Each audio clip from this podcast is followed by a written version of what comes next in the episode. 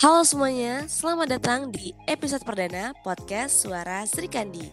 Podcast milik Sri Kandi Universitas Islam Indonesia yang didedikasikan untuk mengulas hal-hal seputar kesetaraan gender, woman empowerment, dan juga berbagai isu sosial terkini. Nah, sebelum kita berdiskusi lebih lanjut, baiknya nih kita kenalan dulu. Kenalin nama aku Zirli Maulia Asofa yang akan menjadi host dari episode pertama podcast Suara Sri Kandi. Nah, di episode ini juga aku nggak sendirian. Aku juga bakalan ditemenin sama salah satu rekan Sri Kandi kita. Halo, aku Ildani Afdanisa akan turut menemani sobat-sobat Sri Kandi selama beberapa menit ke depan di episode 1 series Feminisme 101. Di sini, kita akan mengulas mengenai apa perbedaan seks dan gender, serta bagaimana sih ketidakadilan gender yang masih terjadi hingga saat ini Oke Kanisa, banyak nih dari kita yang masih keliru mengartikan seks dan gender. Seringkali orang-orang tuh bilang kayak seks itu kan jenis kelamin ya Zir. Gender juga kan jenis kelamin. Sama aja dong gak ada bedanya.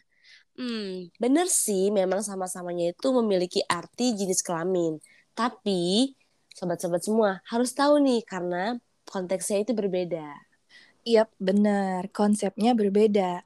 Jadi, Menurut Dr. Mansur Fakih dalam bukunya yang berjudul Analisis Gender dan Transformasi Sosial, kata gender itu harus dibedakan dengan kata seks atau jenis kelamin.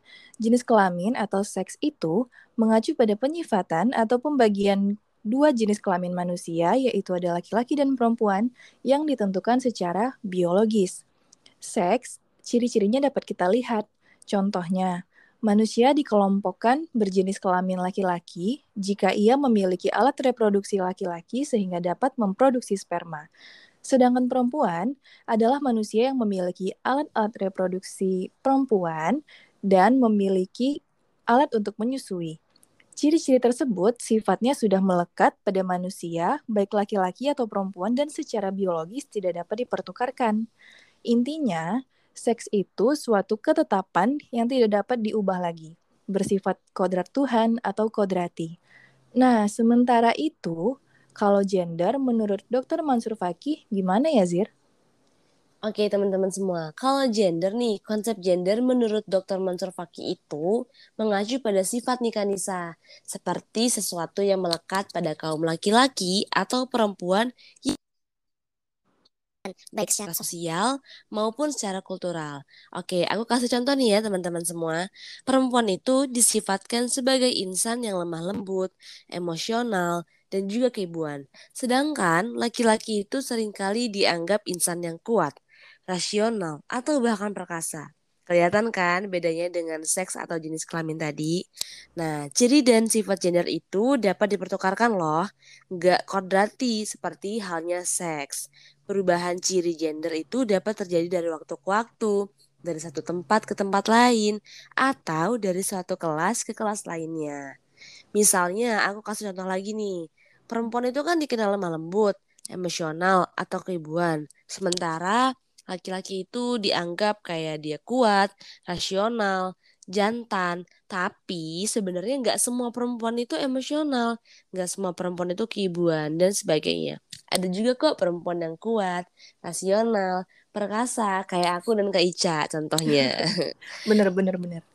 Begitu juga dengan laki-laki yang juga bisa memiliki sifat yang emosional, memiliki sifat lemah lembut. Gitu kan Nisa? Nah, itu dia.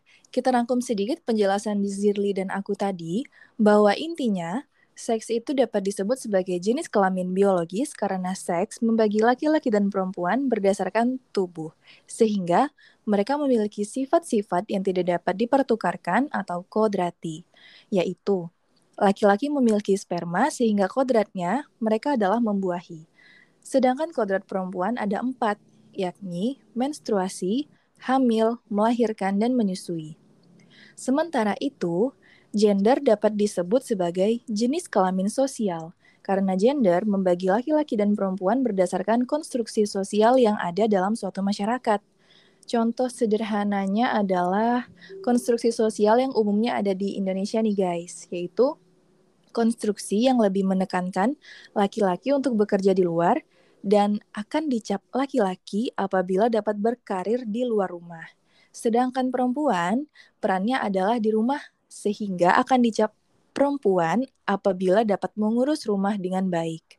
Namun, jika kita lihat di luar Indonesia, khususnya negara-negara maju seperti Singapura, Amerika, Jerman, dan sebagainya, justru konstruksi sosial seperti ini tidaklah umum, yaitu perempuan-perempuan di sana dapat dengan bebas memilih untuk bekerja di rumah atau di kantoran, dan juga tidak ada masalah bagi laki-laki yang memilih untuk berkarir di rumah ataupun melakukan pekerjaan-pekerjaan rumah. Semua itu tergantung kepada keinginan pribadi laki-laki dan perempuan serta keputusan mereka bersama. Nah, ini yang dimaksud bahwa sifat gender dalam setiap tempat itu berbeda. Yes, bener banget teman-teman semua. Itulah beberapa perbedaan dari konsep gender dan seks. Nah, setelah ngomongin pengertian dan perbedaan kedua konsep tersebut, rasanya tuh kayak kurang gitu kalau kita nggak ngebahas lebih lanjut tentang apa sih yang bakal terjadi apabila kita masih belum tepat nih memaknai antara seks dan gender. Nah, dan ternyata kalau kita belum bisa memaknai dengan baik antara seks dan gender itu, sobat-sobat semua, dapat melahirkan sesuatu yang disebut terjadinya ketidakadilan gender nih. Betul banget. Kalau gitu, kita masuk aja nih ke topik kedua kita, yaitu tentang ketidakadilan gender.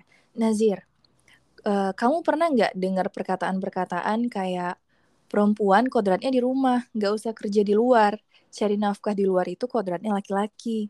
Atau buat apa sih sekolah tinggi-tinggi? Toh perempuan ujungnya cuma kerja di dapur, ngurus suami dan anak. Udah deh, mimpi gak usah ketinggian. Aku Pernah? sering banget tuh kak denger orang-orang yang ngomong kayak perempuan kodratnya di rumah, gak usah sekolah tinggi-tinggi, gak usah kerja. Laki-laki gak ada yang mau loh gitu kan. Sering dengar kan ya kak. Nah, mm -hmm. Nih teman-teman semua, zaman sekarang kan udah maju ya dan global. Jadi karir dan pendidikan itu sangat penting untuk masa depan kita sendiri dan bangsa kita juga. Betul. Karena tingkat persaingan kita tuh makin tinggi. Dan juga nih Kak, di dalam bukunya Dr. Mansur Fakih yang berjudul Analisis Gender dan Transformasi Sosial, tadi itu dijelaskan bahwa dalam melihat perbedaan antara seks dan gender yang kita bahas di awal tadi terdapat masalah loh Kak yaitu berupa terjadi pemutar balik makna tentang apa sih yang disebut seks dan apa sih yang disebut gender itu. Dan oh ya teman-teman semua, dari dulu sampai saat ini nih masih banyak loh masyarakat yang belum paham tentang pengertian yang sesungguhnya dari gender yang sering dianggap sebagai suatu kodrat yang udah ditetapkan oleh Tuhan. Misalnya kayak yang tadi aku bilang dan Kanisa bilang, sering kali kan kita dengar kalau mendidik anak, mengelola dan merawat kebersihan, itu uh, kodratnya Nah, padahal kenyataannya perempuan yang memiliki peran gender dalam mendidik anak, merawat dan mengelola kebersihan dan keindahan rumah tangga itu adalah konstruksi kultural dalam suatu masyarakat sehingga tidak bersifat kodrat dari Tuhan. Mm -hmm. Ya apa sih boleh jadi nih urusan mendidik anak, merawat kebersihan itu dilakukan juga oleh laki-laki. Dokter Mansur Fakih juga menjelaskan nih kak bahwa perbedaan jenis kelamin itu dapat melahirkan perbedaan gender. Sebenarnya nggak ada masalah sih dengan perbedaan gender tersebut selama nggak memunculkan stigma atau diskriminasi sosial antara satu Nah, beliau itu menyebabkan bahwa yang terjadi saat ini akibat adanya perbedaan sifat keperempuanan dan kelelakian berdasarkan gender tadi itu malah menimbulkan ketimpangan. Nah, ketimpangannya itu seperti apa sih? Kalau boleh aku kasih contoh nih, timbulnya seperti timbulnya anggapan bahwa kaum perempuan itu tidak rasional, hmm. kaum perempuan itu emosional, kaum perempuan itu tuh sehingga mereka tuh nggak dapat nggak bisa menjadi pemimpin jadi nggak usahlah berpendidikan terlalu tinggi. Dan bahwa laki-laki memiliki sifat yang sangat rasional atau kuat atau bahkan perkasa. Sehingga sering kali laki-laki itu dianggap cuma kamulah laki-laki yang dapat menjadi pemimpin dan hanya kamu yang berhak memiliki pendidikan yang tinggi. Hmm, iya iya iya iya. Wah, berarti sebenarnya perbedaan gender itu nggak bakal jadi masalah selagi tidak menimbulkan ketidakadilan gender atau gender inequality ya guys ya. Yes. Tapi yang jadi persoalan ternyata nih di realitas sekarang perbedaan gender itu udah menimbulkan berbagai ketidakadilan baik bagi laki-laki dan terutama terhadap perempuan. Nah, ketidakadilan gender itu merupakan sistem dan 12 struktur di mana baik kaum laki-laki dan perempuan sebenarnya adalah korban nih dari sistem tersebut. Supaya lebih paham tentang bagaimana sih perbedaan gender itu dapat menyebabkan ketidakadilan gender, itu dapat kita lihat dari berbagai manifestasi ketidakadilan yang ada nih guys. Contohnya, ada marginalisasi atau proses pemiskinan ekonomi, ada lagi subordinasi atau anggapan tidak penting dalam keputusan politik, Selanjutnya ada pembentukan stereotip atau melalui pelabelan negatif. Yang keempat itu ada yang namanya kekerasan atau violence. Ada lagi beban kerja lebih panjang dan lebih banyak atau double burden. Dan yang terakhir ada sosialisasi ideologi nilai peran gender. Nah, manifestasi-manifestasi ketidakadilan gender yang aku sebutin itu nggak bisa nih dipisahin antara yang satu dengan yang lainnya karena saling berkaitan nih guys, saling memengaruhi secara dialektis gitu ya. Jadi, nggak ada tuh satupun manifestasi ketidakadilan gender yang lebih penting atau lebih esensial daripada yang lain. Misalnya nih ya contohnya, marginalisasi ekonomi kaum perempuan itu terjadi karena adanya stereotip tertentu atas kaum perempuan itu seperti yang Zirli sebutkan tadi, yaitu perempuan dicap lemah, tidak rasional, sehingga tidak dapat bekerja secara profesional. Yang tentunya hal itu dapat menyebabkan subordinasi, bisa juga menyebabkan kekerasan kepada kaum perempuan karena perempuan dipandang uh, lebih rendah gitu ya. Dan yang akhirnya tersosialisasikan uh, dalam keyakinan, dalam ideologi dan visi kaum perempuan itu sendiri. Maksudnya, perempuan itu jadi membenarkan sifat-sifat yang dibentuk masyarakat kepada dirinya kayak uh, oh iya aku kan perempuan nih. Jadi kemampuan berpikir rasional aku itu nggak sebaik temanku yang laki-laki. Jadi untuk apa juga aku bersekolah tinggi-tinggi?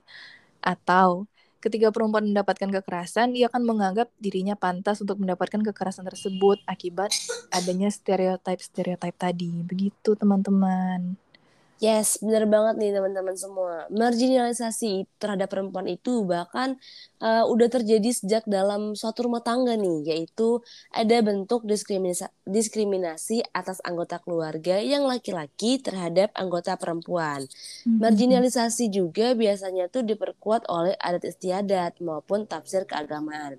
Aku kasih contoh lagi nih banyak di antara suku-suku di Indonesia yang enggak memberikan hak kepada kaum perempuan untuk mendapatkan waris sama sekali.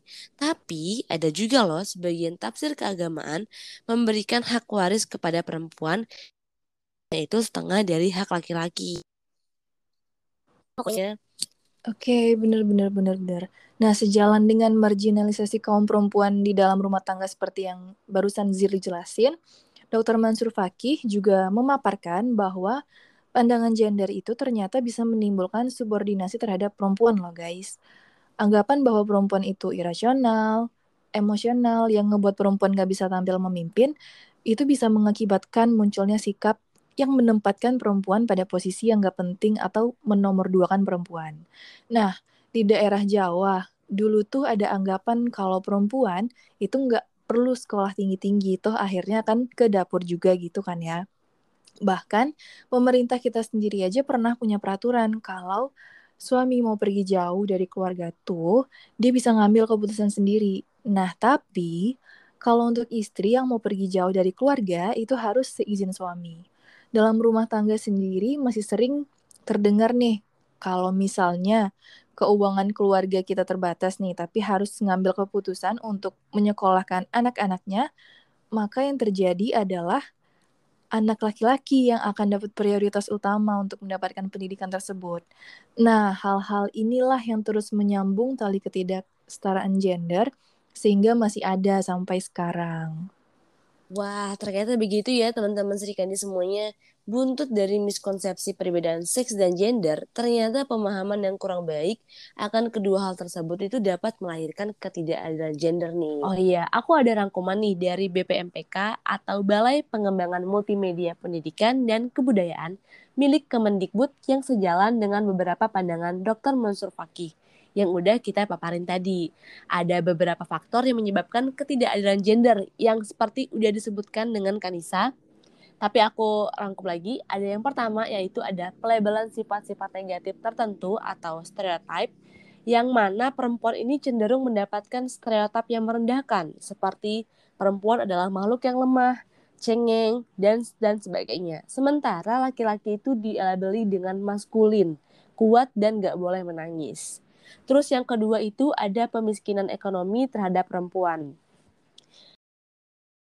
Terus yang ketiga itu ada subordinasi pada salah satu jenis kelamin yang perlakuan menomorduakan perempuan. Si perempuan ini masyarakatnya banyak dipegang oleh laki-laki. Perempuan hanya dapat menjadi pemimpin hanya sebatas pada kaumnya nih, teman-teman. Pada sesama perempuan boleh, baru boleh dia menjadi pemimpin. Tapi kalau pemimpin laki-laki itu nggak boleh. Terus yang keempat itu ada tindak kekerasan atau violence terhadap perempuan yang mana perempuan dianggap sebagai kaum yang lemah secara fisik sehingga sering bentuk pemukulan, pemerkosaan, dan pelecehan seksual dan banyak lain macam-macam dari tindak kekerasan. Dan yang terakhir itu ada budaya patriarki yang berkembang di masyarakat. Budaya patriarki sendiri yaitu menganggap kaum laki-laki secara kodrati memiliki superioritas atas kaum perempuan dalam kehidupan pribadi, keluarga, masyarakat maupun bernegara. Merugikan kedua belah pihak kak, baik perempuan maupun laki-laki, di mana perempuan dipandang lemah dan meskipun laki-laki istilahnya nih memiliki kekuasaan terhadap perempuan, hal itu tetap tidak dapat didapatkan secara laki, secara gratis. Karena apa? Karena laki-laki itu diwajibkan untuk selalu tangguh, nggak boleh mengekspresikan perasaan sakit atau sisi vulnerable yangnya secara bebas. Misalnya nggak boleh nangis, harus berpenghasilan besar dan lain-lain gitu dia. Jadi kayak nggak adil deh buat laki-laki maupun perempuan. Wah, cakep banget nih rangkumannya Zir. Nah, jadi guys, macam-macam ketidakadilan gender itu secara umum ada lima nih yang pertama ada yang namanya itu beban ganda atau double burden. Yang kedua, ada yang namanya peminggiran atau marginalisasi. Yang ketiga, ada kekerasan atau violence. Yang keempat, ada pelabelan atau stereotype dan yang terakhir yang kelima ada adalah diskriminasi.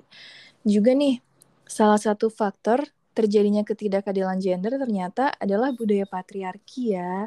Wah, bakal asik nih kalau kita ngebahas budaya patriarki lebih lanjut, Zir. Yes, bener banget nih Kak. Kita bakal asik banget kalau ngeba eh, ngebahas tentang budaya patriarki. Tapi teman-teman, tunggu dulu. Kita hold dulu karena masih akan ada banyak episode menarik di series Feminisme 101 ke depannya. Kita juga bakalan banyak menghadirkan narasumber-narasumber yang TB berkompeten untuk membahas topik-topik selanjutnya nih. Ih keren banget sih bakal ngadirin narasumber. Makanya, stay tune terus, follow podcast kita, dan klik tombol notification-nya supaya nggak ketinggalan updatean terbaru dari Suara Sri Kandi. Bener banget, jangan lupa turn on notification. Kalau begitu, kami berdua pamit undur diri. Sampai, Sampai jumpa. jumpa.